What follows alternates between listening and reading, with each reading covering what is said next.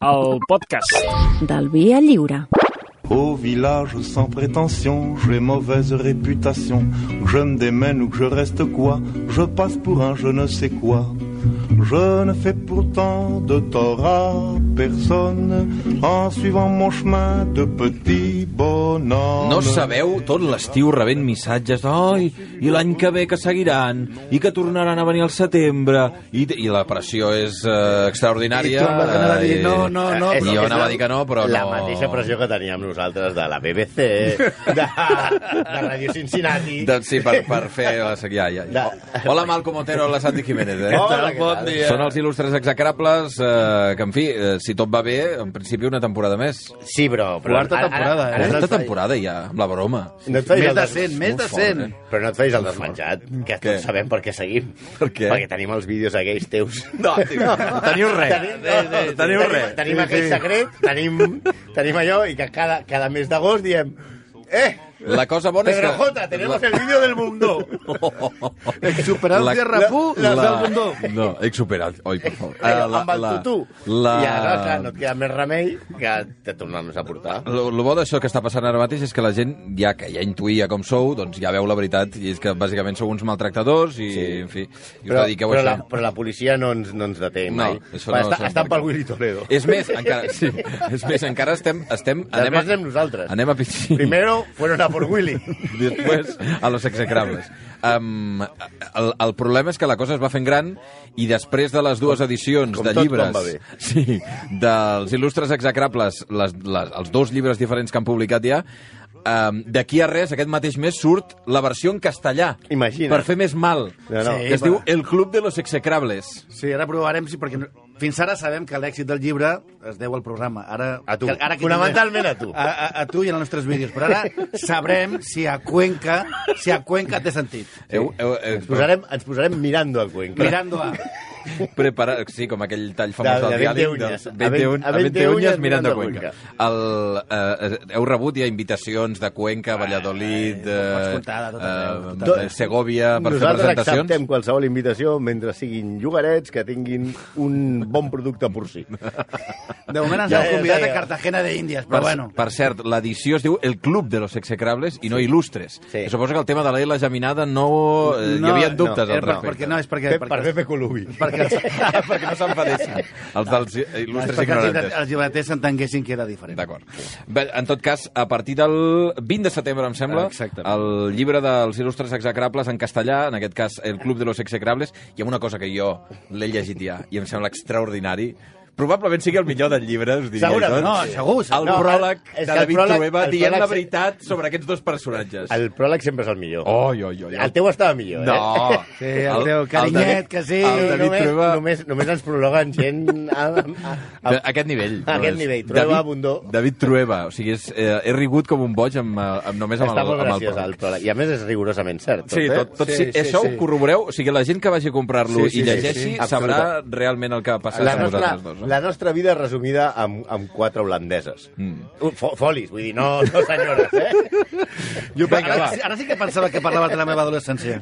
I llavors la gran pregunta que s'hauran fet tot... Però encara queden execrables? Doncs queden execrables, sí que queden. Sí, eh? I a més a més, avui, a veure, eh, com és el primer programa de temporada i Sí. volem això començar forts, allò, marcant, marcando paquete i bueno, tal. Vau acabar parlant de Déu. Vull dir Pues que ja seguirem no sé. amb la religió. Ah, molt bé, Veus? molt Però- bé. però, clar, el que no genera mai cap tipus de crítica ni de de fet, queixa, de fet, de fet, la gent que, la, agafa el telèfon a l'emissora Sí, sí. està bastant contenta amb les Sí, sí. nostres... La- Quan cada cop que parlem de religió, Sí, sí. la, cosa, la cosa va molt bé. no? A recepció, la Cristina Sí. Catjoli que agafa Sí, la- les trucades, tot, tothom està molt content quan després, quan parleu sortim i d'això. anem allà al Sí, bar sí. davant, sempre ens, ens, ens, ens reenvien els e-mails de escolta, mira què ha dit aquest senyor, que no us fiqueu amb el papa, no us fiqueu amb Teresa de Calcuta, tal. Doncs avui parlarem d'un home que té més sobrenoms que un lluitador de wrestling, un futbolista argentí o, o algun locutor d'aquesta ràdio. Avui parlarem d'un xoriço pata negra a l'estil Bárcenas, d'un assassí, un esclavista, un galifardeu que va erigir-se com manaire d'una religió i que era com a Pots dir que Galifardeu un altre cop, que m'ha agradat? Galifardeu. No li havia sentit mai dir-ho, no? Eh, M'ho deia la meva mare a mi. Ah, sí? Sí, Galifardeu. Era conegut com el, el lleó de Déu, el Moisès americà, el Moisès mormó i amb tots vosaltres el president de l'Església dels Sants dels últims dies, el germà Brigham, més conegut com Brigham Young. I did my best to notice when the call came down the line up to the platform of surrender. Sí, sí, i, i comencem de, dels Killers? dels Killers perquè comencem amb aquesta bonica cançó perquè el cantant de The Killers, Sí. Brandon Flowers, Brandon Flowers m'encanta el seu nom. Brandon Flowers. Brandon Flowers. Sí, no sé, Brandon Flores, no sé. Passa per ser avui en Ay, dia... mi hijo, mi, el niño, mi Brandon. Passa per Sou- ser avui sou en un dia... desastre. Un dels, eh, en sèrio, un dels mormons més coneguts del món. Ja veurem per què quin sentit té el, el de The Killers. Eh, perquè això és més, més catxondo eh, encara. Bé, bueno, anem al tema. Young va néixer a Vermont, que va ser, va ser com la, la Palència dels Estats Units. Ningú Pa- és de Vermont. València. Sí, sí Palència Tu coneixes algú de Palència? No, no. Coneixes algú de Vermont? No. Pues ja està. Pues, Vermont és la Palència dels Estats Units. No, i de fet, eh, Vermont o Vermont és l'estat de la Perdó, Unió... Vermont, perquè és en francès. No, però no, sí, Perdó, sí. eh? És, és, és l'estat de... Que també van ser originals els francesos quan van dir com li posem aquest estat. Van veure una muntanya i van dir Vermont. Ja està, au. Aquest... És, és veritat. Eh? Eh? Va, sí, sí, sí, no, segur, sí, segur, és veritat. Segur sí, sí. que és tot absolutament sí, sí, rigorós. rigorós. Aneu a la Wikipedia sí, i mireu. Sí, sí. sí, sí la, el rigor de Wikipedia. Bueno, el millor tot... és que ara arribarà un missatge i dirà això que ha dit no és, no és veritat, eh, no... Pues vinga. No, no, no l'envio, no l'envio. Mm, no, la veritat, tornem a... a l'estat, que no València, sinó Vermont, sí. és l'estat de la Unió amb el percentatge de blancs més alt. O sigui, hi ha més blanc com a habitants. És el 96 3,6. Ah, actualment, eh? Actualment. I només hi ha un Allò, 2018. Sí, sí, 90, 96,6% dels habitants de l'Estat són blancs. Sí. sí, però imagina't com devia ser el 1801. Uh, bueno. el, el 150%. Sí, sí, sí. es pot suposar que per molt de missa que fos el nostre noi, això de la igualtat de les, de la igualtat de les races no ho portava massa No. bé. Bé, podríem pensar que el germà Brigham era una cosa així com l'amo de Junta Quinte, no? I a més s'enorgullia molt de ser esclavista, no? S'ha de dir que hi ha molta literatura sobre Brigham Young i els mormons. La majoria publicada pels propis mormons, que són una, un, a part de ser una religió, tenen un, com- un complex industrial enorme, que, mm. -hmm. que hi ha moltíssimes empreses de les quals utilitzeu, si agafeu Els un avió... i els mormons, sí, sí. sí, sí. I Delta Airlines, eh, És- USP... és mormons. Sí, tot això, eh, utilitzem moltes grans empreses multinacionals mormones. Perquè, suposo... És Utah la, la capital de Vermont? No, no, eh, Uh, no, no, no. això no té res a veure. Ah, d'acord. Ah, després no, Utah- Utah no, és un Salt estat. Lake City, Salt Lake Salt Lake City, ara, ara, parlarem. Salt Lake Ah, val, City veus? és la capital de Utah, Sí. que és a l'estadi... a, Ah, però ell mormó. surt de Vermont. Ell surt de Vermont. Vale. vale. La majoria... Aleshores, eh, la, la, com deia, la, la literatura publicada sobre Brigham Young és Sí. una agiografia. És a dir, que ja us havíem explicat feia moltes temporades el que són les agiografies. Però pels de l'ESO no està de més recordar que una geografia és com un article del Roncero parlant de qualsevol jugador del Madrid. Bàsicament, elogiós. És exacte. Una de les poques fonts fiables que es poden consultar i que és divertidíssima, bé, si teniu un sentit de l'humor una mica variat com el nostre, és l'entrevista que Horace Greeley li va fer al Lleó de Déu i que va publicar al New York Tribune el 20 d'agost del 1859. Perdona, has anat a llegir una entrevista del Eh, 1859. investiguem, investiguem, No, ja ho saps. Eh, ho tenim tot aquí, eh? En, aquella, en, en, en ella podem entendre una mica el personatge amb les seves pròpies paraules. Per exemple, quan el periodista li pregunta obertament per la postura de la seva església sobre l'esclavatge. Sí, ell diu, obro cometes, la resposta és la següent. Considerem l'esclavatge com una institució divina Ah, bueno. i creiem que no ha de ser abolida fins que la maledicció que va caure sobre Ham li sigui perdonada als seus descendents. Doncs au. S'ha de constatar que, com, com dèiem, l'entrevista és del 1859 i que l'esclavatge als Estats Units havia estat abolit el 1833. O sigui, ell seguia tenint esclaus... Com ja sabíeu, eh? Evidentment. 26 anys després Sí, sí. de, de l'abolició de Ell l'esclavitud. seguia tenint-ho, perquè Utah era un estat, un estat eh, bastant independent, Mm. que no formava part de la Unió encara. Però, Sí. sí. clar, ell feia una mica el que volia, i per tant volia tenir esclaus. Sí, com tots vosaltres sabeu. Perquè teni... Portem molts anys a- adoctrinant a la- l'audiència, Home. i ja tenen una cultura. Home, una Sí, sí. cultura bastant, bastant, bastant gran. Però com tots vosaltres sabreu, especialment els de l'ESO, que això, amb això jo, tots sabem que amb això d'història sagrada, ho, això ho porteu de fàbula. Les de l'ESO, la història sagrada, ho porten Bueno, collons. qui sap? fet Tu religió trobes sempre. algú de l'ESO, li preguntes per religió, sempre Per exemple, això de la maledicció de Ham. Clar, A veure, la- què és la maledicció de Ham? Ham, que és la que va imposar Noé al seu net, fill de Cam. Ja sé que tot sembla uns dibuixos japonesos, però no. Però això és perquè no fèieu els crucigrames, perquè a l'avantguarda es dia Hijo de Noé, tres letres, i podia ser Sam, Ham o Set, Ahà. i l'altre era Cafet. Vale, pues el fill de Ham, Bueno, Era- era aquest. va, Començo... veure, Resulta que un dia Noé Sí. va agafar una taja Tenia problemes. com un piano. O sea, rollo... Com es diu aquest de, de Los Vigilantes de la Playa? Serà horrorós. David això. Hasselhoff. sí, Sí, sí, sí. Com nosaltres, una taja com les nostres. Noé, a part de David l'arca... Hasselhoff, als Vigilantes de la Playa, era Mitch Buchanan. Recordareu? El personatge té Mitch Buchanan. No, no, Michael Knight. Michael Knight. Michael Knight. Bueno, pues aquest tio bevia com un campió. Sí, això sí. Bueno, del que va agafar una taja monumental i es va posar a dormir la mona Noé. Amb pilotes. Sí. Despullat, ja sabeu, amb tot fora. La cansalada penjant. Cam, el seu fill gran, va entrar a la tenda on De estava tres, Noé. letres, de tres letres. Hijo de Noé. Camp. Camp. El seu fill gran va entrar a la tenda on estava Noé i es van fotre d'ell i va cridar els seus germans per fer més conya del vell papós. Els germans, que eren uns sòmines, van entrar a la tenda i van tapar Noé sense mirar-lo. Mhm. Quan el iaio es va despertar de la taja amb una boina com un castell i una ressaca de mil dimonis, es va emprenyar i va condemnar el fill de Cam, que es deia Canaan, O sigui, el seu net. el Sí. seu net, a ser ell i els seus descendents esclaus dels seus tiets, els que no se van enfotre del borratxo. Ah. Vaja, que l'esclavatge està originat per una ressaca, sí, ja deia jo. Sí. Vale. I, a- I aleshores va Brigham Young i pren aquest episodi de família desestructurada en plan Rocío Jurado, Ortega Cano, Los Moedano i Rocito per justificar l'existència i la divinitat de l'esclavatge. Ole tus huevos, xaval! Però al tanto, que com deia Groucho Marx, si no t'agraden els meus principis, en tinc uns altres. I quan el periodista Loras Grilly li pregunta què passarà el dia que Utah passa a ser membre de, la, de dret de la Unió, que passaria 35 anys després, mm. va al pau aquest del Brigham Young i respon que no tindria cap problema en abolir l'esclavatge, però no per motius humanitaris, no. Escolteu les seves raons a la mateixa entrevista. Diu literalment. Ah, dic, pensava que tenia un tall de veu Sí. del 1859. Oh, oh, ja està trucant. Horas, pásamelo por El WhatsApp. corte. Un corte, una nota de voz. Horas, Val, val. Grilly. Citem Grilly, literalment. send me a note voice. Please.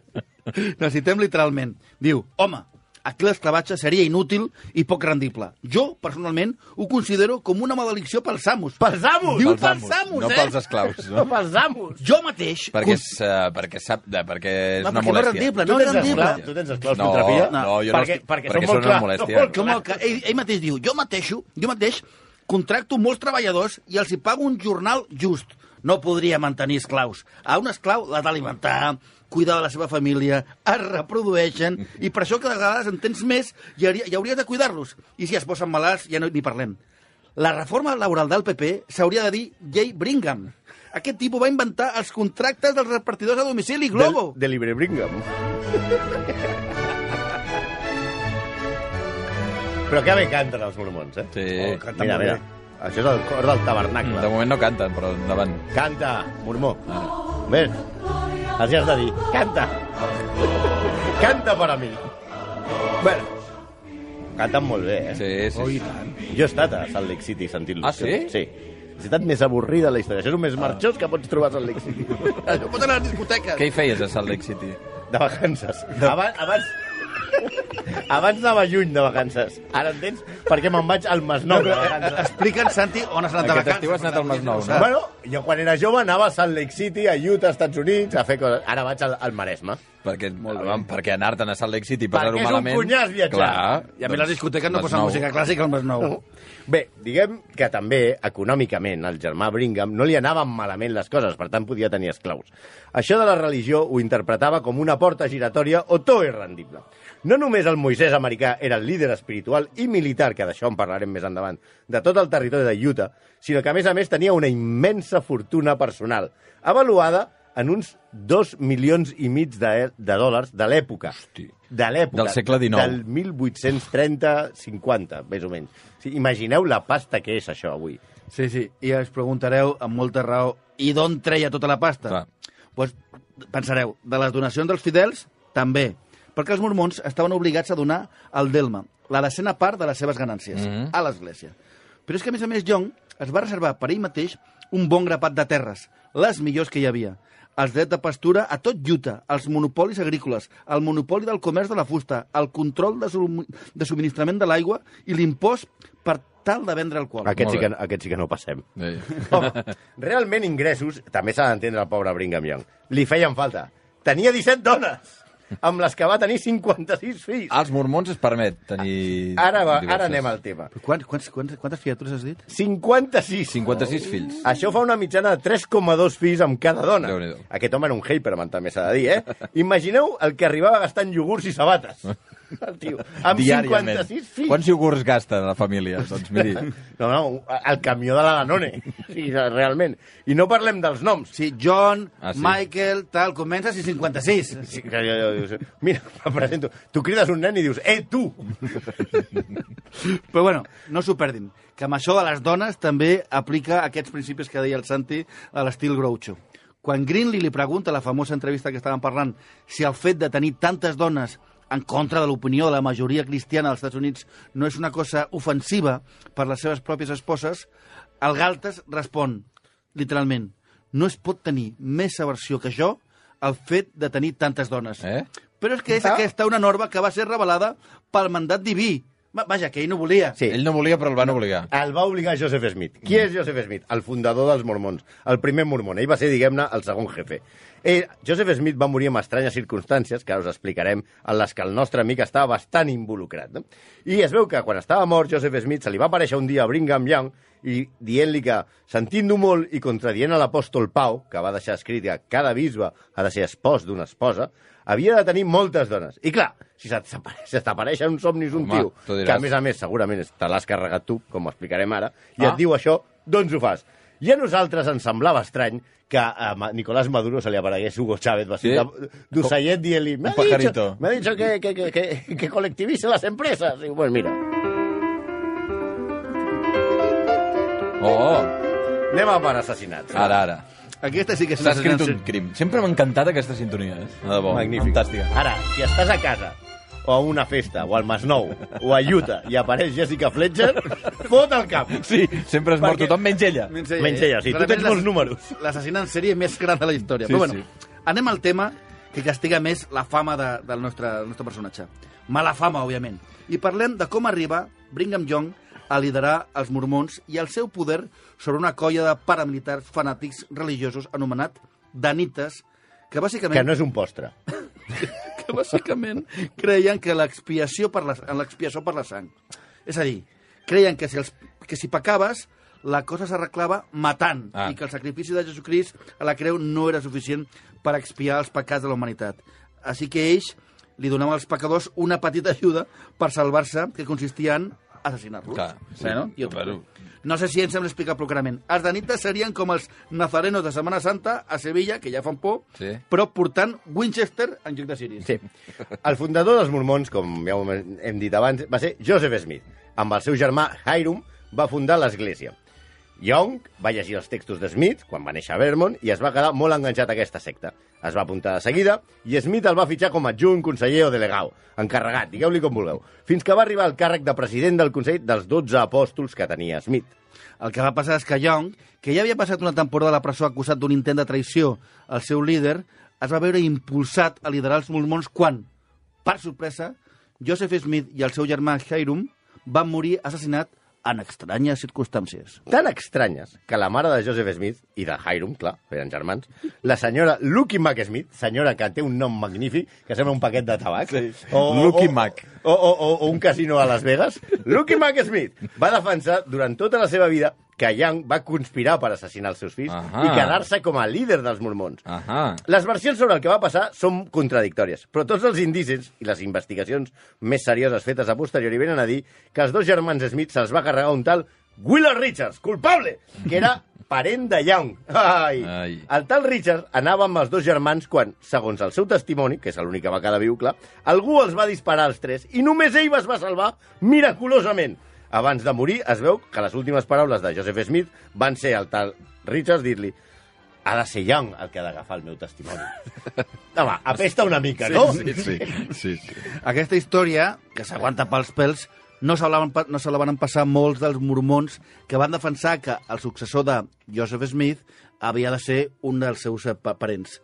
En concret, Joseph Smith III.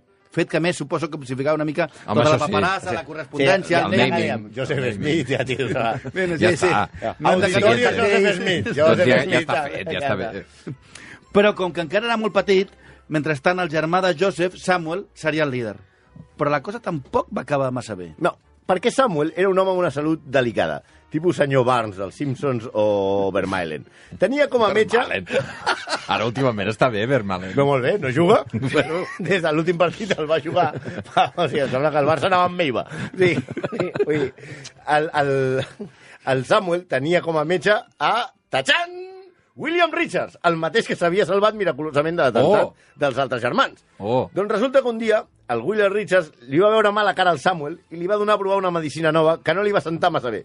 No, no li va sentar tan massa bé que a les 3 hores ja havia palmat. Però és que aquest, aquest, el Richards està enmig de tots els fregals, El eh? ángel de la muerte. Ostres, tu. I aleshores, la mare dels Smith, la Lucky Mac, que havia perdut tres fills en un plis-plas mentre estava al seu costat el tal Willard, Que sempre estava allà al mig. que, i que a més era crucí de Brigham Young, va dir mumble, mumble, mumble, i va sospitar amb un atac de Jessica Fletcher que tot era producte d'una conspiració. Home, senyora, no serà vostè Agatha Christie, però collons, motius per sospitar n'hi ha. Què vol que li digui? Sempre moria gent i el Richards al mig, eh? Exacte, vull dir, aquí no pot ser, tu. I a més a més, eh, Young va acabar dient que eh, tot aquell que no seguís a, a, a ella, a la seva secta, com a líder, mm. a els mormons, condemnaria els tres germans morts a l'infern perquè era la decisió... A sobre. A A sobre. sobre. A sobre, pitjor per ells. Pitjor per ells. Sí, ja sé que us entren ganes de migdiada, ara, eh? Sí. Llega los Oi, oi, oi. Que vienen los Sí, sí, sí. Perquè això de, Després carregar... de carregar-se Caster, ara... això de carregar-se el germà Smith Sí. pot, per accedir al poder, us, us sembla poc, us pot semblar poc. Home, poc a mi no, però... Però Bueno. no us perdeu la, la, la, la propera malifeta, que és, sens dubte, l'episodi més fos de la història dels mormons i del qual el nostre amic Brinkman Young va tornar a sortir absolutament indemne i va pringar un pobre desgraciat anomenat John D. Lee, que semblen uns texans, però no, era una persona. O, o un, jugador, de la- un jugador coreà. Parlem de la matança de Mountain Meadows. Mira, ens posem 1857. Sí. Brigham Young convenç els seus danites, que són aquells que havien dit... Que Aquí eren- ja manava, eh, Brigham Young? Sí, sí, Aquí ja manava. ja s'havia polit a, a, tots A els tothom. Smiths. A tots els Smiths de la guia telefònica ja se'ls havia polit. Per si per tal cas. que ataquessin els danites a una caravana de colons procedents del Missouri i Arkansas que creuava Utah camí a Califòrnia. Van massacrar a sang freda 127 colons, homes, dones, ancians i nens, això sí, majors de 8 anys. Els menors de 8 no... els menors no de toca. 8 anys els hi van perdonar la vida perquè consideraven que aquesta és l'edat on encara no s'ha conegut el pecat. Ah. No sé, no sé on viuen aquests tios. I els nens supervivents van ser donats en adopció a diverses famílies dels assassins dels seus pares. Hosti. És a dir, van treballar eh? com a esclaus la resta de la seva vida. No fotis. Bueno, la dictadura argentina ho va fer no fa massa, també, eh?